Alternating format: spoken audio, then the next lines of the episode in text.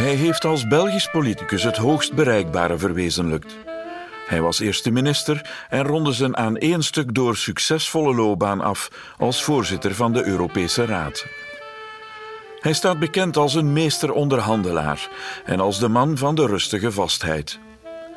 Voor mij is hij bovenal een fijn besnaard intellectueel met veel zin voor wat onze tijd al maar meer ontbeert: nuance, zelfrelativering en het vooropplaatsen van de ander.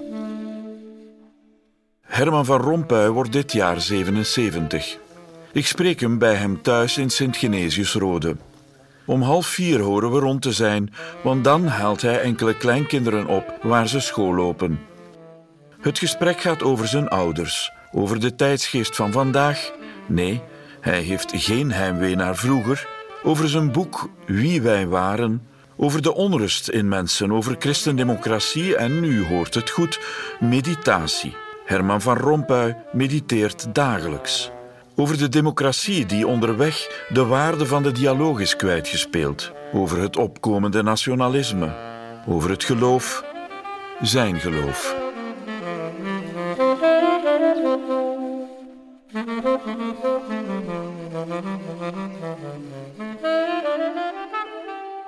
Herman van Rompuy studeerde rechten, maar switchte na enkele jaren, al dan niet bewust in navolging van zijn vader, naar economie. U luistert naar Kerknet Radio met de aflevering Wie wij waren. Een gesprek met Herman van Rompuy.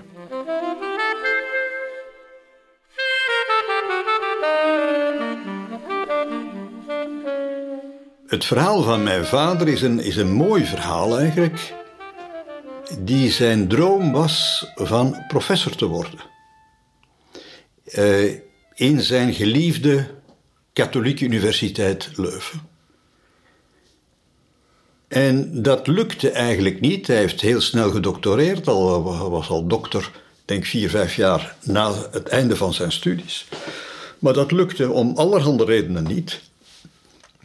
Maar dan was er een weg die leidde naar Leuven. Die weg was als je vijf jaar les gaf in de, uh, aan de Lovanium Universiteit in Leopoldstad, het huidige Kinshasa, het toenmalige Belgisch Congo, dan werd je bijna automatisch benoemd in Leuven. Wij zijn zo vertrokken in 1957, oktober 57, uh, naar, uh, naar Lovanium. De bedoeling was van daar vijf jaar te blijven. Na één jaar was niet alleen mijn vader ziek, uh, dat we het, ons gezin van zes, lagen er vier in de kliniek. Alleen mijn moeder en ik bleven rechtop staan. Moet ergens, vandaag zegt men, een infectie, een virus, whatever. Uh, in elk geval, we zijn moeten terugkeren. Dat was onmogelijk van te blijven. En dus daar ging de droom van mijn vader in rook op. Uh, hij is dan andere dingen gaan doen, meer in de, in de administratie in België. Uh, maar in 1965 krijgt hij een telefoon, hem voorstellende dat hij hoogleraar kon worden aan de KU Leuven. Op enkele maanden tijd kwam die droom eigenlijk uh, tot vervulling. En de, de ironie is dat mijn allereerste dag in het eerste jaar rechten, in 1965, zijn eerste dag was aan de universiteit. Ik zie mij daar nog altijd staan met mijn moeder. Uh, aan de trappen van de Sint-Pieterskerk uh, in Leuven. Mijn vader die in toga, direct in toga, van de trappen kwam. En wij, daar, wij stonden daar. En voor mij was mijn eerste dag. En voor hem ook zijn eerste dag. En dus die heeft dan zijn droom uh, echt in vervulling zien gaan. Uh, hij heeft nooit iets anders geambieerd, nooit iets anders gewild. Uh, dat was zijn leven. En heeft dat gedaan tot, uh, tot de laatste dag, tot in 1988 is hij prof geweest. Dus hij is prof geweest eigenlijk nog de volgende twee of 23 jaar.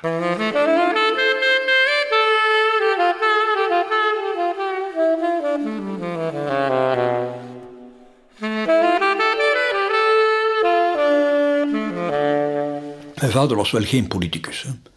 Ehm, ik denk niet dat hij zou recht blijven staan hebben in al die, al die persoonlijke tegenstellingen, die meningsverschillen, die strijd, die competitie. Dat was niks voor hem. Dat heeft hij aan zijn zonen overgelaten, die daar beter tegen konden. Maar als oordeelsvermogen, ja, dat was, dat was iemand eh, die ik op dat vlak zeker naar opkeek. Hij was niet zo makkelijk toegankelijk als persoon. Dat heeft ook geen belang. Ik heb het over die, die, die, innerlijke wijsheid, die heeft hij doorgegeven. Mijn moeder was een heel andere persoon, had ook een goed oordeel over mensen, maar was voornamelijk degene die eigenlijk gans het huishouden moest rechthouden. Mijn vader zelf heeft een heel zware depressie gehad. In het begin van de jaren 50, eigenlijk overwerkt. Een doctoraat, een huis dat veel te klein was, met drie kinderen. Vuurten is daar nog iets later gekomen. En dat moet te veel geweest zijn. En hij heeft daar eigenlijk wat de sporen van ganse leven meegedragen. En het is mijn moeder die eigenlijk de boot recht heeft moeten houden. Dat is een sterke vrouw. En voor haar was het bijzonder pijnlijk dat ze de laatste tien jaar van haar leven ook fysisch, vooral fysisch, zo afhankelijk was geworden. Want zij was gewoon van heel zelfstandig te zijn, op, op alle vlakken. En dat, dat zag zij dag na dag verloren gaan. Maar uh, gelukkig dat zij was. Ik had met mijn moeder een, heel goed contact. Want als ik wat problemen had, ik kon dat uitdrukken. Ik kon dat zeggen. Zij kon daar naar luisteren. Wat in die periode uh, ook, denk ik, tamelijk zeldzaam was. En het heeft mij heel veel geholpen. Heel veel geholpen. Maar met uw vader kon u dat niet echt? Nee, nee. Mijn vader, uh, mijn vader was daarvoor eigenlijk zelfs te veel bezig. Ja, met, met ja, wat ik toch de nasleep noemde van die moeilijke periode die we vandaag heeft men daar alle woorden van, maar die toen gemeenzaam een, een, depressie werd genoemd, maar het was eigenlijk een depressie door overwerkt zijn. Daar kon je over die dingen eigenlijk minder spreken. Hij heeft ons wel seksuele opvoeding gegeven. Uh, ja, uh, en dat was eigenlijk tamelijk vlug. Ik was uh, acht, acht jaar, denk ik, als mijn jongste zus ging geboren worden. 1955, ik ben zelf van einde 1947. Dan vond hij dat het moment gekomen was om dat uit te leggen. Ik zie mij daar nog altijd zitten. Hij heeft een volledige uitleg gegeven. Ja, daar waren toen ook niet veel bronnen waar je dat wel zou kunnen vernemen. Hè. Bij mijn eigen kinderen heb ik het bijna niet moeten doen, want op de duur zou het u zelf hebben uitgelegd. Hè. Omdat er zoveel andere kanalen waren waar dat soort van uh, informatie hun kon bereiken, maar dat was toen uitgesloten. Ja, in die zin was hij wel open. Dat was midden van de jaren 50. Ja, heel merkwaardig. We hebben nog gesproken over, moet toen niet veel ouder geweest zijn, een jaar of tien. Uh, over prostitutie gesproken en, en dat dat toch zou blijven bestaan, dan beter van te legaliseren en, en, al die dingen. Dat ik het nog allemaal weet na zoveel jaren wil zeggen dat het mij is, uh, is, is bijgebleven. Hè. Nu, u bent een andere vader dan uw vader. Omdat ik een andere persoon ben, we zijn allemaal verschillend. Eh, ik heb een ander, een ander parcours afgelegd. Uh, ja, je jij eigenlijk met een eigen persoonlijkheid geboren. Je ontdekt trouwens jezelf. Hè? Je ontdekt het nog, nog elke dag, zelfs na 76 jaar. Het woord van Rimbaud. Hè? Je est un autre. Je denkt dat je je eigen kent, maar je kent je eigen niet. Er zijn nog altijd onvermoede lagen in je persoonlijkheid die, uh, die zelfs nog tot op de laatste dag of in de laatste periode naar boven uh, komen. Maar ik, uh, daar is geen dag dat er voorbij gaat of ik heb niet aan de ene of aan de andere van mijn ouders gedacht. Dat, uh, dat, gaat, daar, dat gaat daar niet uit en dat hoeft daar ook niet uit te gaan.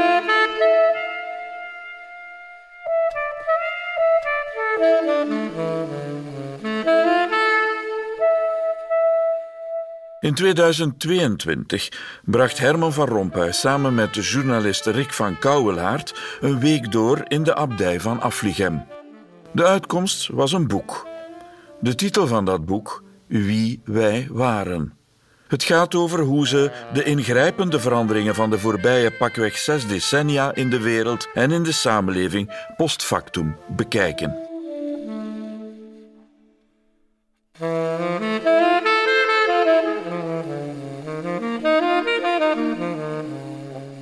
Die wij is, we zijn allemaal anders, maar daar wordt nog een verzamelnaam wij rondgebruikt.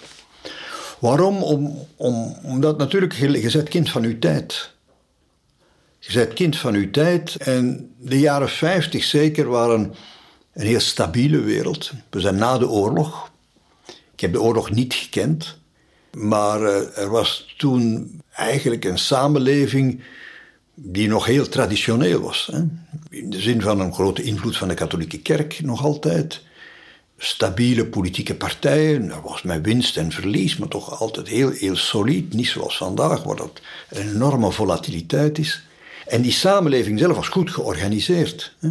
Wat dat noemde de verzuilde samenleving. We behoorden allemaal ergens toe. Hè?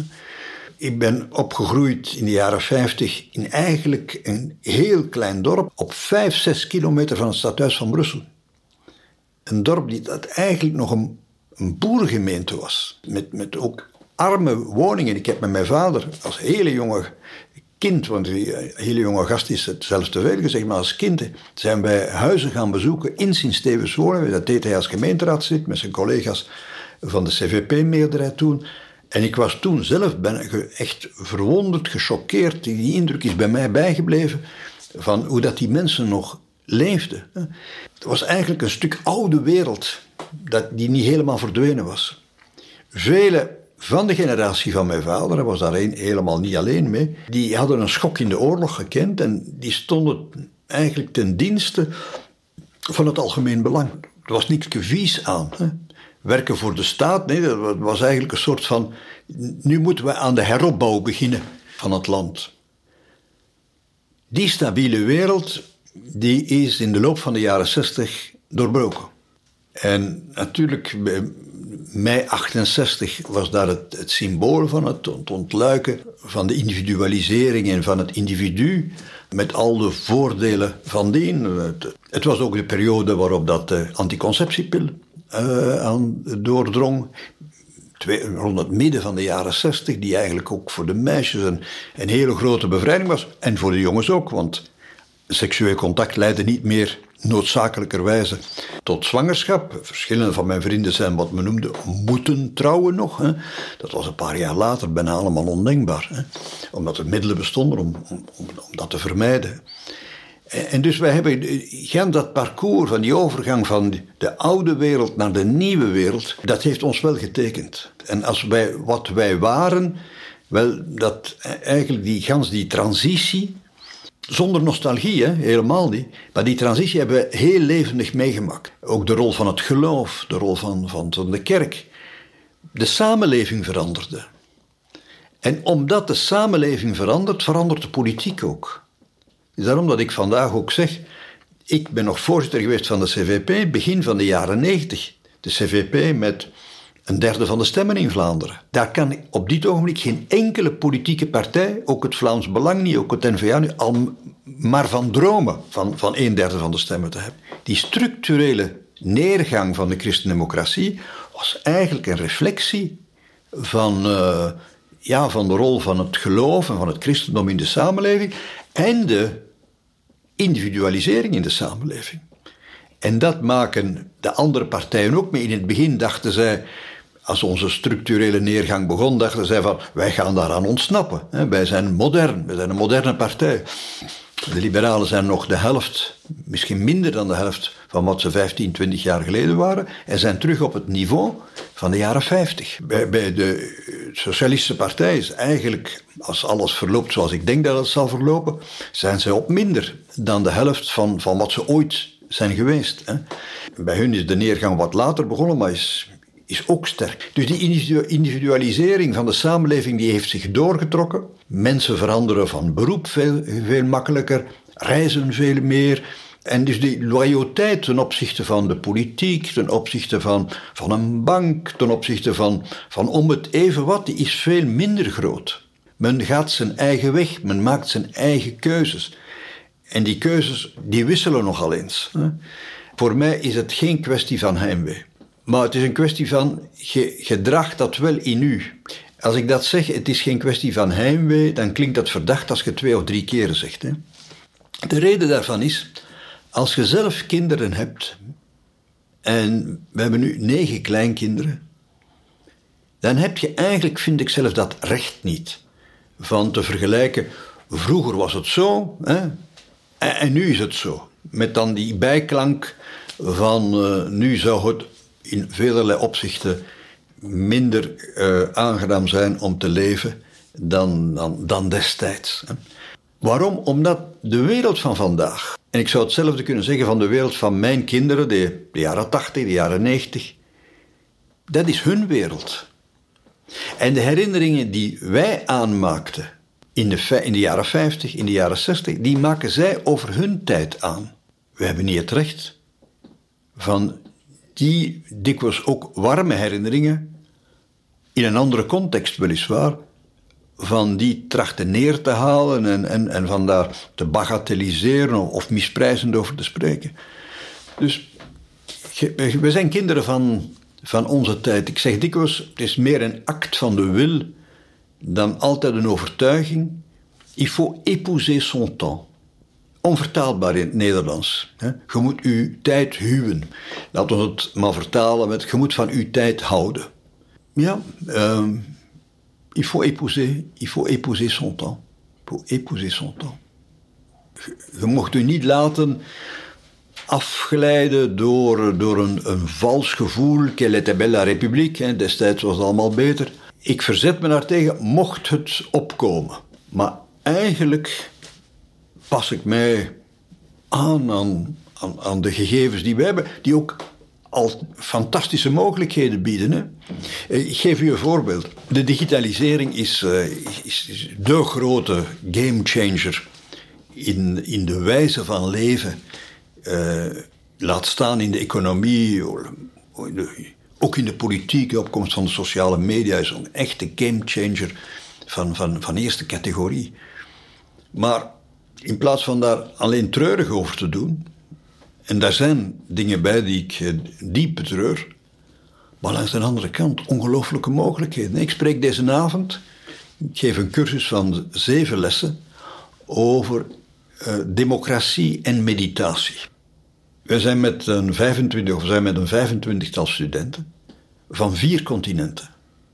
Dus vanavond zijn er mensen bij van Brazilië, van Argentinië, van Sydney, van Singapore, eh, een paar van Europa. Ongelooflijk. En we zitten daar, elk in zijn eigen plek, en we wisselen van gedacht. We komen van verschillende tijdzones, gaande van plus 6 uur tot min, min 6 uur, min 7 uur. Ik vind dat een ongelooflijke verrijking.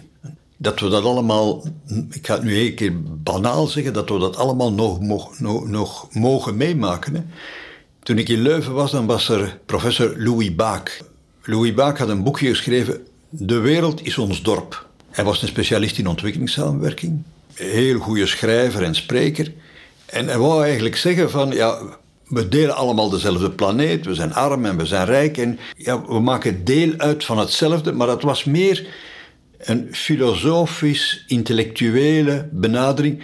Maar vandaag is het een fysieke benadering. Je kunt morgen spreken met een Afrikaan, van gelijke tot gelijke, van man tot man, van, of man of vrouw, om het even reizen is, is ook niks meer. Als ik zie waar mijn kleinkinderen al geweest zijn, waar, dat, dat ik rond hun leeftijd de eerste keer naar Wenduinen ging, naar de zee. Hè. En, en mijn grootmoeder, die met mij samen voor de eerste keer de zee gezien heeft. Zij was 52, hè, toen dat ze vanuit Begijnendijk voor de eerste keer dus de Noordzee gezien heeft. De wereld is ons dorp in, in, de, in de fysieke, echte betekenis van het woord. Uh, is een ongelooflijke, ongelooflijke ervaring.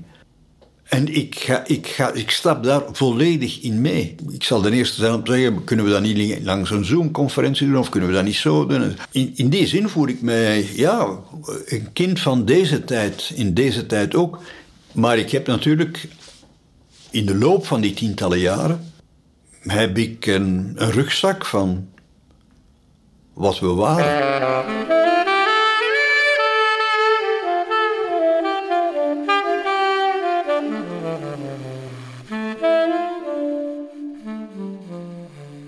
Nu zou ik het nationalisme, het opkomend nationalisme, niet overdrijven. In de zin van, het is niet omdat men stemt voor een nationalistische partij dat men zelf een grote nationalist is. Ondanks het feit dat uh, twee separatistische partijen in Vlaanderen bijna de helft van de kiezers volgens opiniepeilingen vertegenwoordigen, is het deel dat in Vlaanderen dat kiest voor separatisme beperkt. 15, hoop hooguit 20 procent. En dat aandeel is in de loop van de jaren heel stabiel gebleven. Er is een, een ander fenomeen in de samenleving gaande. Dat is, uh, er is veel onzekerheid, er is veel angst, er is heel veel wantrouwen. En mensen zelf weten niet goed meer waar ze zelf staan. Ook staan in hun persoonlijk leven. Beroepsleven is veel meer veeleisend geworden.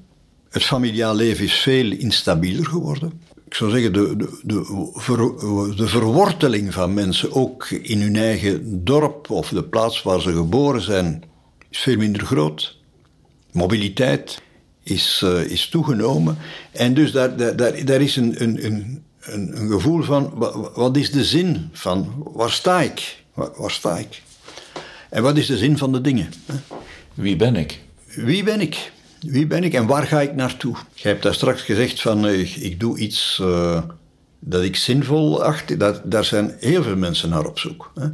Je, je, zoekt eerst iets waar je je kost mee kunt verdienen en, en, en, en zo meer, dat je wat zelfontplooiing kunt hebben. Maar daar is de onontwijkbare vraag van wat doe ik eigenlijk? Zeker als uw persoonlijk leven wat tumultueuzer is dan, dan dikwijls in het verleden het geval was. Er, is een, een, een, zoeken naar uw persoonlijke identiteit. In, in een gecompliceerde samenleving, die, en dat is een echte gemeenplaats, die op alle vlakken heel snel verandert. Mensen zijn natuurlijk ook veel en ik heb daar straks het woord individualisering laten vallen. De individualisering is heel sterk doorgedrongen. We leven ook niet meer in groep, we leven in een heel kleine groep. Ik ben nog opgegroeid in Sint-Stevens-Woluwe, in een wijk waar iedereen iedereen kende kon bijna vragen van, is uw verkoudheid van vorige week al genezen? Want we wisten dat ze een verkoudheid had.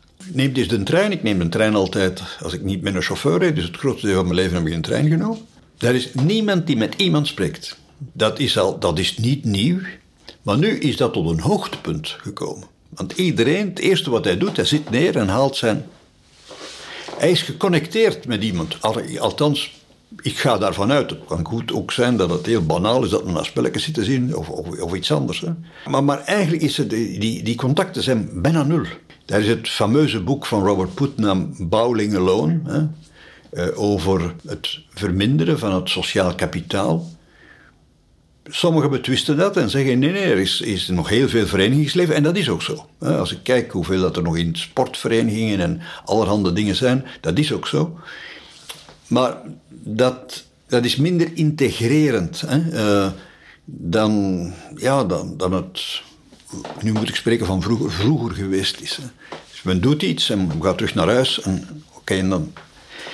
Dus daar, is zeker een, uh, een verlies aan, aan, aan het verbindend karakter van, van wat het verenigingsleven is ik juich alle tekenen toe die mij zouden tegenspreken. Als ik hoor dat er meer mensen in de jeugdbeweging zijn, al, ik ben de eerste om te applaudisseren, zeg misschien ben ik dan toch verkeerd. Ik vrees dat de tendens die ik kom te schetsen de juiste is, maar gelukkig maar zijn er ook tegenkrachten zodanig dat niet gans die samenleving eigenlijk, eh, wat mensen betreft, geïsoleerd geraakt. De helft van de mensen in grote steden woont alleen. Om allerhande redenen. Omdat men oud is, omdat men gescheiden is, omdat men zo kiest voor te leven, om allerhande redenen. Wil dat zeggen dat men eenzaam is? Niet noodzakelijk, maar het verhoogt wel uw kansen. Dat hebben we gezien in de coronaperiode. Hè? Hoe dat dan eh, eigenlijk ja, de kleine drama's eh, of grote drama's ontstonden, om, om, omdat men echt ook fysiek dan helemaal geïsoleerd geraakte. Dus in die gans die wereld van, van, van individualisering creëert natuurlijk wantrouwen. Iemand die op zich staat en die minder banden heeft, die is veel sneller wantrouwig. Iemand die, die heel gemakkelijk een eigen mening heeft, die heeft die soms ook te gemakkelijk. Hè? Van ik heb gelijk en de ander heeft ongelijk. Hij kan die bovendien nog ventileren via Twitter en via alle mogelijke sociale media Dat, is een negatieve sfeer dat eigenlijk het resultaat is van veel individualisering. En dus het, het zoeken naar identiteit is een veel, is veel, gaat veel breder dan alleen de, wat men noemt het nationalisme. Die beweging is veel dieper en dan ook veel moeilijker een antwoord op te geven. Omdat men raakt aan, aan de persoonlijke levenssfeer. Je kunt niet iemand gelukkig maken tegen zijn goesting. Het geluk is voor een groot deel een persoonlijke opgave. We werken natuurlijk allemaal in een, in een breder geheel, maar, maar toch, hè, maar toch. Politiek gezien natuurlijk, de migratie is een katalysator voor, voor dat soort van gevoelens. Hè. Ik heb het al moeilijk met mezelf. En nu komen daar groepen die, die anders zijn dan wij. Zeker religieus, soms qua kledij, qua taal en, en, en zo meer. De periode is wel voorbij dat men zei van die komen onze jobs afnemen. Die periode is helemaal voorbij. Integendeel. Hè? Eh, meer en meer dringt door dat een ganse hoop van jobs alleen door hun nog worden waargenomen. Maar daar is zo dat, dat gevoel van, eh, wat dat men noemt, een gevoel van, we zijn niet meer thuis. Mijn ogen is de diepere werkelijkheid veel genuanceerder nog voelt men zich nog thuis waar men zogezegd thuis is? Voelt men zich nog thuis bij zichzelf of in de kleine kring waarmee dat hij leeft? Ik, denk dat we die analyse eh, niet te oppervlakkig mogen eh, eh, hebben. Ik ga u een vraag stellen, bij wijze van voorbeeld, en een retorische vraag. Neem nu dat wij in België of in gans Europa nul migratie hebben. Nul. Er is, komt niemand binnen, nul migratie. Denk je dat we plots voor een heel gelukkige maatschappij zouden staan? De vraag stellen is ze beantwoorden. Dus dat wil eigenlijk zeggen dat de problemen die wij hebben nog verder gaan dan alleen maar de problemen die, die politiek aangekaart worden.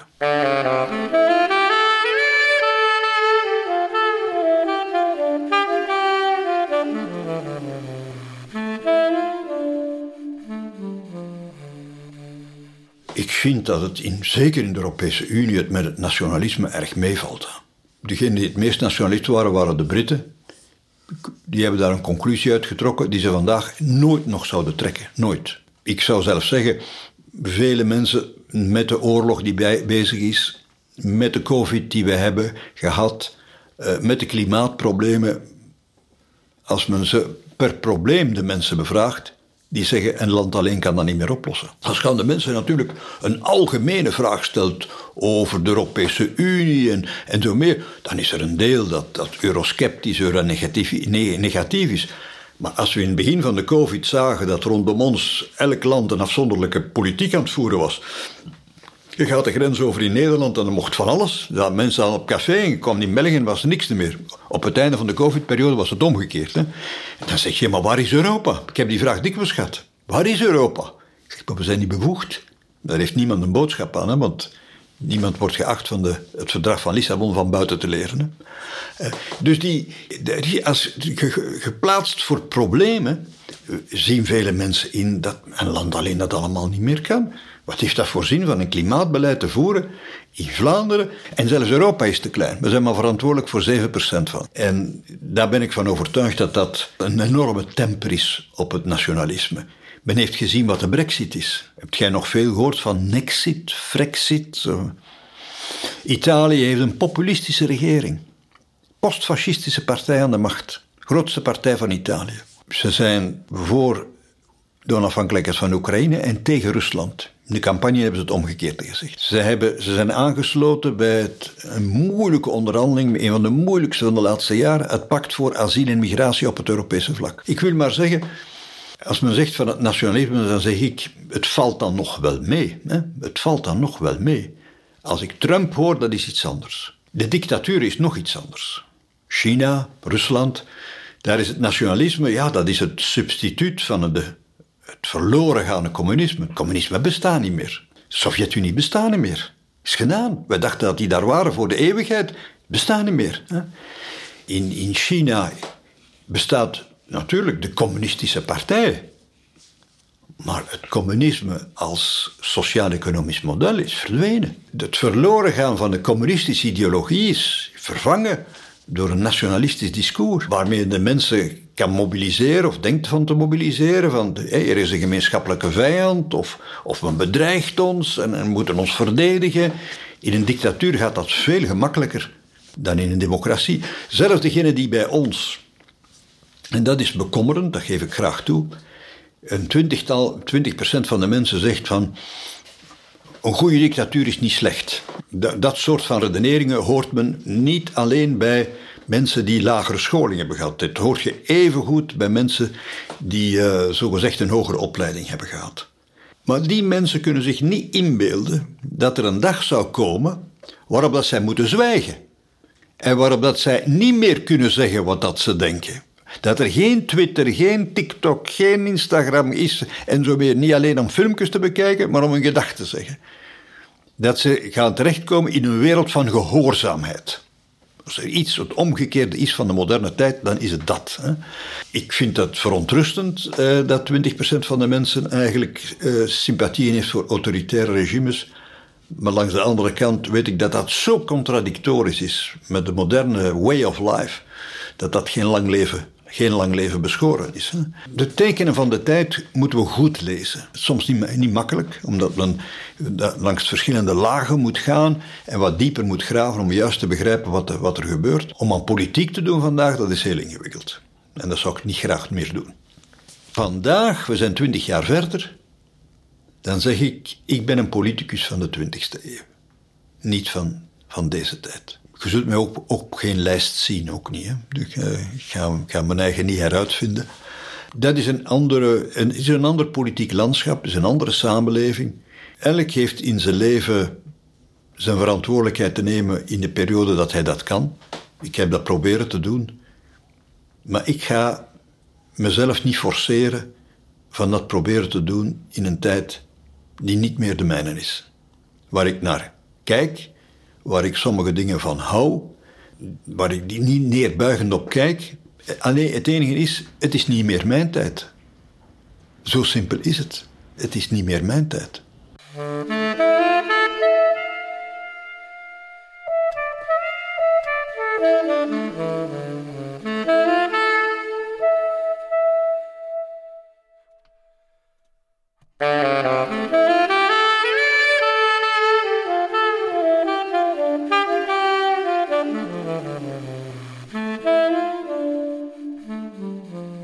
Een van de vruchten van de meditatie uh, is dat men ontdekt, na een, zelfs na een aantal weken gemediteerd hebben, ik ga zelfs uitleggen wat dat eigenlijk inhoudt, ontdekt men dat men aan een soort van innerlijke transformatie bezig is.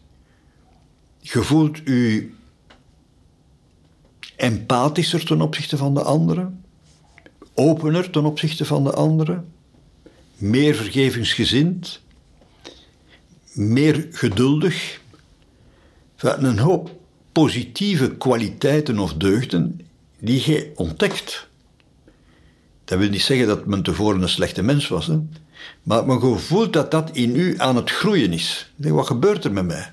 En natuurlijk die andersgerichtheid, die gerichtheid op de anderen en dus minder ego-gerichtheid, ja, die missen we dikwijls. En een van de problemen van in de democratische samenleving van vandaag is, de democratie moet eigenlijk een conversatie, een gesprek zijn, waar dat men naar elkaar luistert en zoekt naar oplossingen. Als individuen, als gestructureerde groepen en zo meer. Democracy is conversation. En in een conversatie erkent je de andere als een gelijke.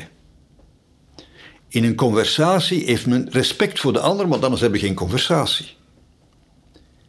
Er is een verschil tussen een debat waar het over gaat om gelijk te hebben. Stevig debat, zeggen ze dan. Ik gruwel daar dikwijls van. Want ik weet dat het niet gaat over de waarheid.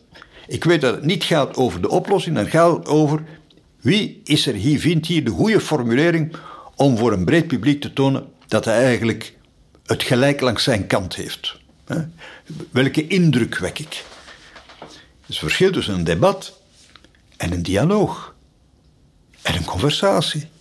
Want in een conversatie zoekt men naar een oplossing en is iedereen de winnaar. Ofwel overtuigt men de andere van zijn gelijk, maar het omgekeerde kan ook gebeuren. Dat jij van gedacht verandert. En dus die, die democracy is conversation, die, die, die algemene houding moet een houding zijn van anders gericht zijn. Gericht zijn op de anderen. Dat is een beter woord dan anders. Op anderen gericht zijn. En dat is wat we missen.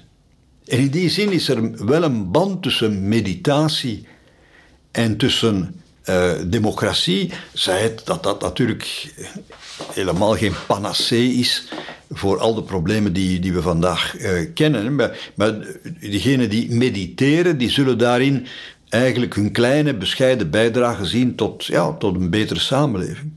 Het mediteren is eigenlijk iets helemaal simpels. Bestaat al duizenden jaren in alle godsdiensten. En zelfs in buiten de godsdiensten ook in alle mogelijke overtuigingen. Het is een herhalen van een mantra, bestendig, zonder ophouden. Gedurende 10, 15, 20 minuten, soms één keer per dag, soms twee keer per dag, hangt af van uw godsvrucht en uw vermogen. Maar door het reciteren van de mantra, door een gedachtenloos te zijn, want het evacueert de gedachte, en wanneer dat terug de, de zorgen van de dag terugkomen in uw geest, moet je tijdens de meditatie die zo, zo snel mogelijk terugduwen. Dus door, door het herhalen van de mantra duwt je eigenlijk je persoonlijke agenda opzij. En dus zijt je niet of minder bezig met, met waar je in de loop van een dag mee bezig bent of in de niet-mediatieve periode mee bezig bent.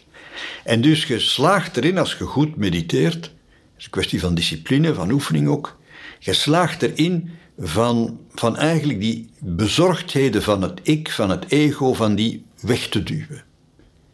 Nu, de menselijke, hoe moet ik zeggen, de menselijke persoonlijkheid, de menselijke geest, het menselijk hart, is eigenlijk heel eenvoudig te vatten. Hoe minder ego, hoe meer dat je open staat voor anderen. En omgekeerd. Het is eigenlijk een zero-sum game. Hoe meer van het ene, hoe minder van het andere. En, en dat, uh, ja, dat, dat is eigenlijk iets. Ja, ik ben blij dat ik dat ontdekt heb. Ik ben blij dat ik dat ontdekt heb, maar ik heb het ontdekt als ik 70 jaar voorbij was. Hè. Uh, ik kende die al tientallen jaren doen. Um, maar dat is voor mij wel een openbaring. En dus, ik spreek vanavond uh, voor een groep van mediteerders over democratie. Dat, dat, kwart van de, van de periode hoeft je geen mediteerder te zijn om, om eigenlijk mijn betoog te volgen en daarop in te pikken en zo meer. Maar we trachten dan telkens, niet telkens, maar toch veel keren terug te koppelen naar van hoe staan we daar tegenover die fenomenen uh, van ja, wijzigingen in het democratisch bewustzijn. Uh, hoe staan we, staan we tegenover die fenomenen als mensen die hun best doen om een beter mens te zijn? Komt daar eigenlijk allemaal, allemaal op neer via een bepaalde techniek, de meditatie. Maar als ik dat zo hoor, dan denk ik dat is zo goed als afwezig in de politiek zoals ik die ken, heb gekend. Tuurlijk. Tuurlijk. Dat is, dat is ook zo. Hè. Uh, maar wat dat niet afwezig zou mogen zijn, is dat bewustzijn van. We zetten ons in, ik ga het nu heel banaal en heel algemeen zeggen, we zetten ons in voor een betere samenleving, voor, voor de bonum commune, de common good. Het algemeen, niet belang, maar het algemeen welzijn. Hoe, hoe zet ik mijn eigen persoonlijk belang, mijn partijbelang, het belang van de stam waar ik toe behoor, uh, of het land zelfs waartoe ik behoor, hoe, zet ik die, hoe maak ik die ondergeschikt aan het algemeen belang? Dat algemeen belang kan ook zelfs een supranationaal belang zijn. En die demarche, die, die, die heeft wel politieke implicaties. Die heeft wel politieke implicaties. Uh, want wat onbewust veel mensen aanvoelen is van. Uh, de ontgoocheling de politiek is heeft ook te maken met u, wat we dat net bespraken, met, met eigenlijk uw eigen onzekerheid. Dus het gevolg is dat men eigenlijk al wat daarbuiten is, uh, eigenlijk eigenlijk geen antwoord vindt, hè, maar, maar uw interne identiteitscrisis zo, is eigenlijk de grond, de grond van het probleem. Maar los daar nu van, het punt wat ik wil maken is, zelf al is men, vecht men met zichzelf, hè, toch is er het aanvoelen van degenen die ons leiden, zijn die met zichzelf bezig? Of zijn die bezig met ons, ik ga het vertalen, in, met het algemeen belang? Te snel scheert men alle politici over dezelfde kam. Uh, en wordt dat allemaal in beschouwd, uh, gaande van de, de, de, de, de, weinig gesofisticeerde zakkenvullers, uh, eigen profijt en wat nog allemaal. Maar er is wel een, een verlangen, een diep verlangen naar genen die verantwoordelijkheid hebben dat ze dat ook doen ten dienste van anders gericht, ander gericht zijn op anderen en niet of minder gericht zijn op zichzelf. Wil dat zeggen dat men van alle politici heiligen moet hebben? Dat is weer een ander verhaal. Want dikwijls verwachten vele mensen dat degenen die hun lijden eigenlijk mm, bijna het statuut van een held of een heilige hebben. Hè? Uh, men verwacht eigenlijk meer van hun leiders dan dat men zelf eigenlijk van zichzelf verwacht. Maar dat is een psychanalytische, een psychologische verklaring. Uh, daar gaan we het niet te veel over hebben. Uh, maar als jij zegt van, is, dat is niet de politiek zoals ik die vandaag ervaar. Ik denk wel dat in de, in de, in de samenleving van vandaag er geen verlangen is naar mediteerders, men kent dat woord zelfs niet, maar wel naar mensen die, ja, die, waarvan men voelt, weet, men kan dan nog bedrogen zijn, dat zij het niet alleen voor zichzelf doen. Ik ga het nu heel voorzichtig uitdrukken. Uh, en omdat men dat te weinig ziet, reageert men dikwijls negatief.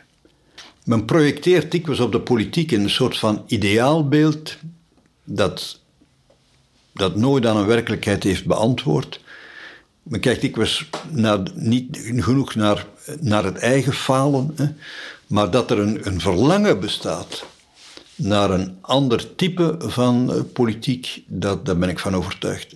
Een van de drama's is, als men die mensen niet genoeg vindt, dat is heel paradoxaal, dan zoekt men zijn heil bij mensen die geen enkele moraal hebben. Allemaal op een of andere manier epigonen of replica's of wannabes van Trump. En het negatieve discours, het discours van jij hebt gelijk en die anderen die die willen eigenlijk uw geld afpakken, uw identiteit afpakken. Die bedreigen ons op alle mogelijke manieren. Uh, dus bij, bij, gebrek eigenlijk aan, aan mensen die ze kunnen vertrouwen, geeft men zijn vertrouwen aan mensen die het helemaal niet waard zijn. Maar die hun eigenlijk sterken, bedoel dan het publiek, die worden dan gesterkt door leiders die, die eigenlijk hun bevestigen in al hun negatieve gevoelens. Dus het is heel paradoxaal. De mensen die liegen. Ik, ik, denk dat Trump iemand is die alleen bij toeval de waarheid spreekt. Hè? De rest is allemaal leugen. Terwijl mensen een afschuw hebben van leugens, geven ze hun vertrouwen aan, aan een beroepsleugenaar. En wat is de diepere reden? De diepere reden is dat ze zichzelf zo ongemakkelijk voelen in de samenleving van vandaag. Dus ongemakkelijk voelen in zichzelf bijna. Dat als iemand dat ook vertolkt en vertaalt en die negatieve boodschap herhaalt, dat men zich daarin terugvindt.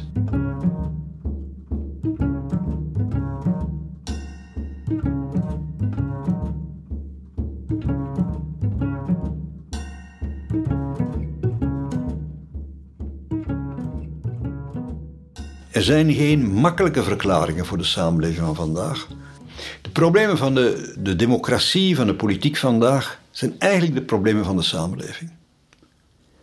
En de politiek is een, een spiegel van de samenleving.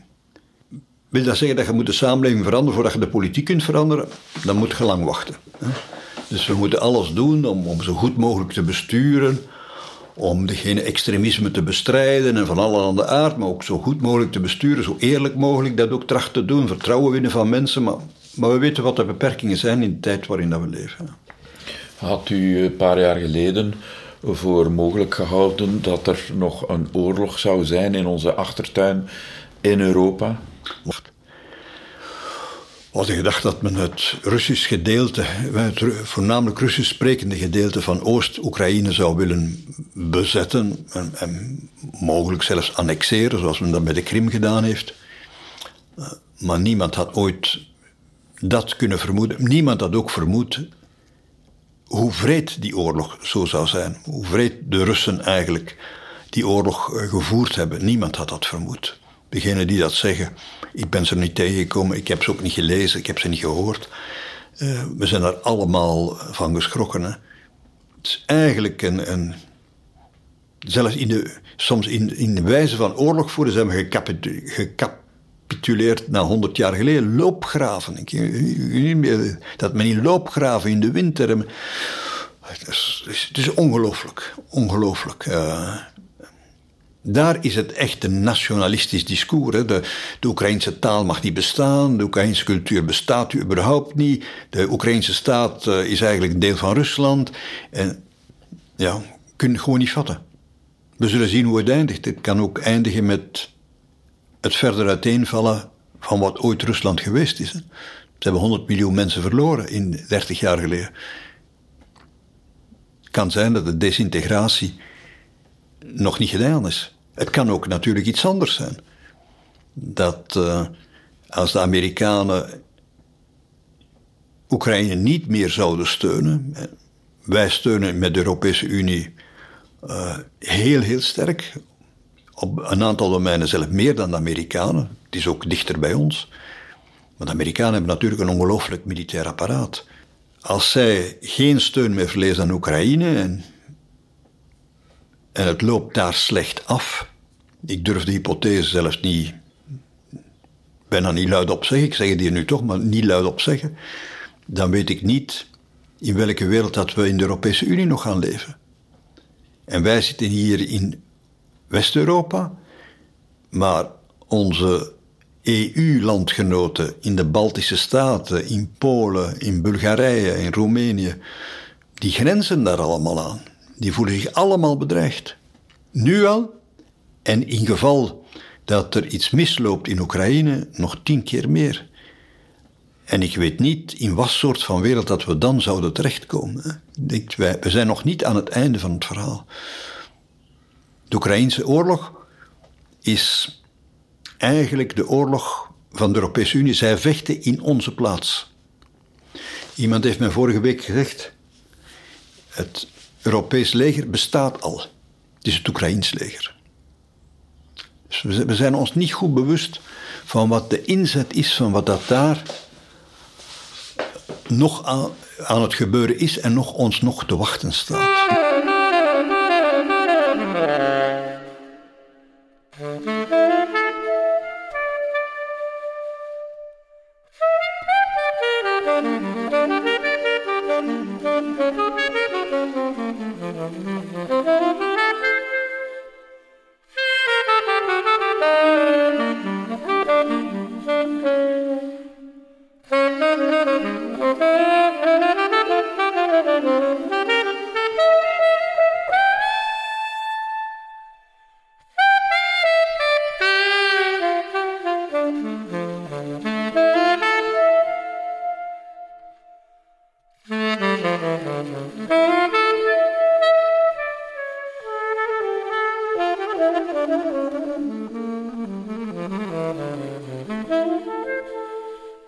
plaats mij in de grote christelijke traditie, waar de figuur van Christus en de boodschap centraal staat. Hoe meer ik het lees, hoe verwonderd ik ben van eigenlijk het alomvattende en het ingrijpende van die boodschappen. Ik heb het nog niet eens over de woorden bemin uw vijanden. Hè. Daar heb ik het nog niet eens over. En dat ervaar ik ook nu nog meer door die oefening van meditatie. Hoe dat de, de kern van elk bestaan eigenlijk heel simpel is. Hè? Het draait allemaal om geven en niet om nemen. Het draait allemaal de zin van het leven over wat je voor anderen kunt betekenen en niet voor jezelf kunt betekenen.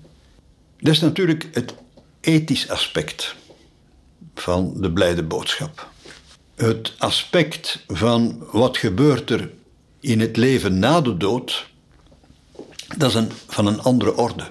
En daar zeg ik dikwijls op van, uh, dat het geloof daarin bestaat dat je ervan uitgaat dat iemand het antwoord heeft op die vraag.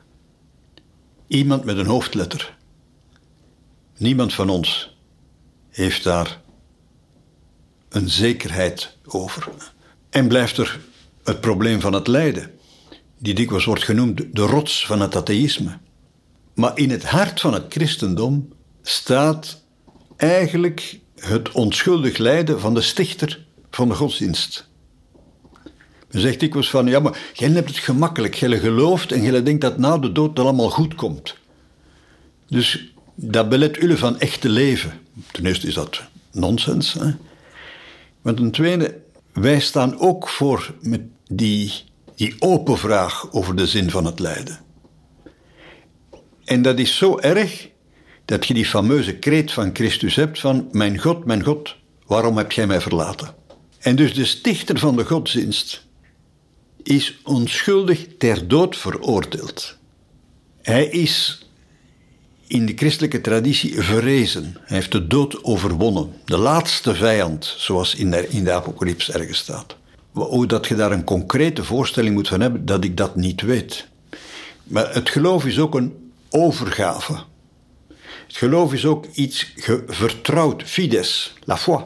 Je vertrouwt dat iemand wel het antwoord heeft op de vragen die jij, waarop jij geen antwoord hebt. En dat geloof en dat vertrouwen maakt deel uit van mijn geloof. Maar vraagt mij niet dat ik je het ultieme antwoord geef over lijden en over dood. Maar dat belet mij niet van ook mij thuis te voelen in het sacrale, in dat diep respect voor de heiligheid van mensen en van dingen. Iets dat u en iemand, niet alleen iets, maar ook iemand die u overstijgt, die u brengt naar paden en naar, naar een werkelijkheid die buiten en boven de huidige werkelijkheid gaat. De katholieke kerk heeft een, die gave voor het ritueel om u eigenlijk te brengen dichter bij het goddelijke. Whatever that may mean. Die, dat, dat, die, dat mysterieuze, mysterium fidei. Je vindt geen antwoord, of je hebt geen definitief antwoord, dat is misschien een beter woord. Wat eigenlijk in het, in het woord mysterie zit ook het, het, het woord, Griekse woord muo, zwijgen, iets waar dat eigenlijk geen woorden meer voor zijn. Je staat voor dat mysterie. En de uitdrukking van dat mysterie, dat wordt ook uitgedrukt door handelingen, door gezang, door, ja, door, door liturgie. Ik voel me daarin thuis. Ik zou dat niet graag missen. Ik ben een zondagse misganger omdat ik hou van de boodschap omdat ik, en ik hou van het ritueel. Maar ik, ben, ik, heb, ik heb wel boven alle rationaliteit, want het leven is veel meer dan dat, boven alle rationaliteit is er dat moment van, en dat noemt men het geloof, hè, is er die overgave van, kijk, die vragen, die zijn menselijke vragen, maar die antwoorden kunnen nooit door mensen gegeven worden. En dus ik aanvaard dat iemand wel een antwoord geeft. Zo beleef ik mijn geloof en ik denk dat er velen zo zijn. Maar uh, als, als de kerk spreekt, ik, ik, ik, luister, ik kijk dat zelfs met... Ondanks alle problemen die de kerk heeft, in de laatste jaren zijn er verschrikkelijke dingen gebeurd. Hè, maar luister ik dan nog altijd met een, een welwillend oor naar. Ik kan even goed streng zijn als ik zie hoe de dingen mislopen. Hè. Maar, maar toch, hè, dat is sterker dan mezelf. Dat is misschien het stukje traditie dat diep in mij zit en dat, uh, dat het niet wil opgeven.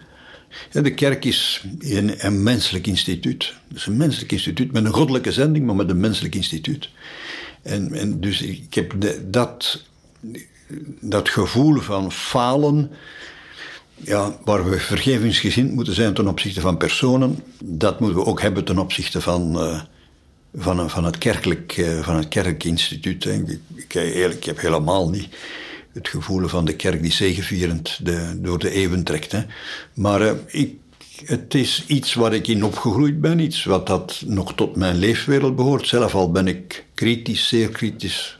Eigenlijk, at the end of the day, met al de gaven en gebreken, ben ik nog deel van dat instituut.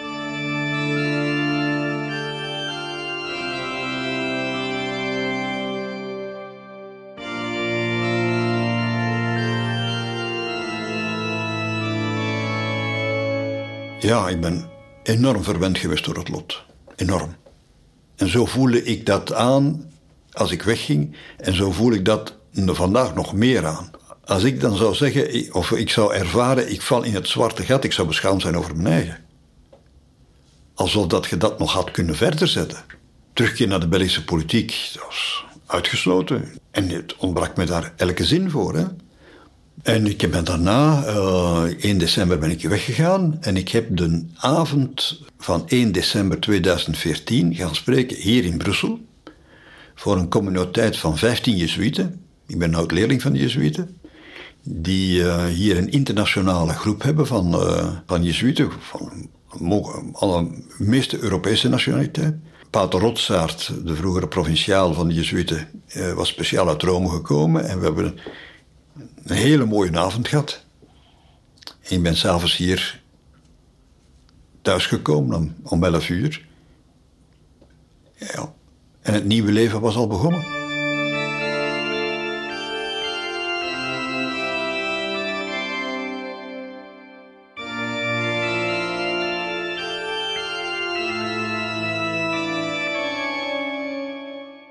U luisterde naar Kerknet Radio met de aflevering Wie wij waren. Een gesprek met Herman van Rompuy. Interview en productie Leo August de Bok, hoofdredactie Koen Vlamink.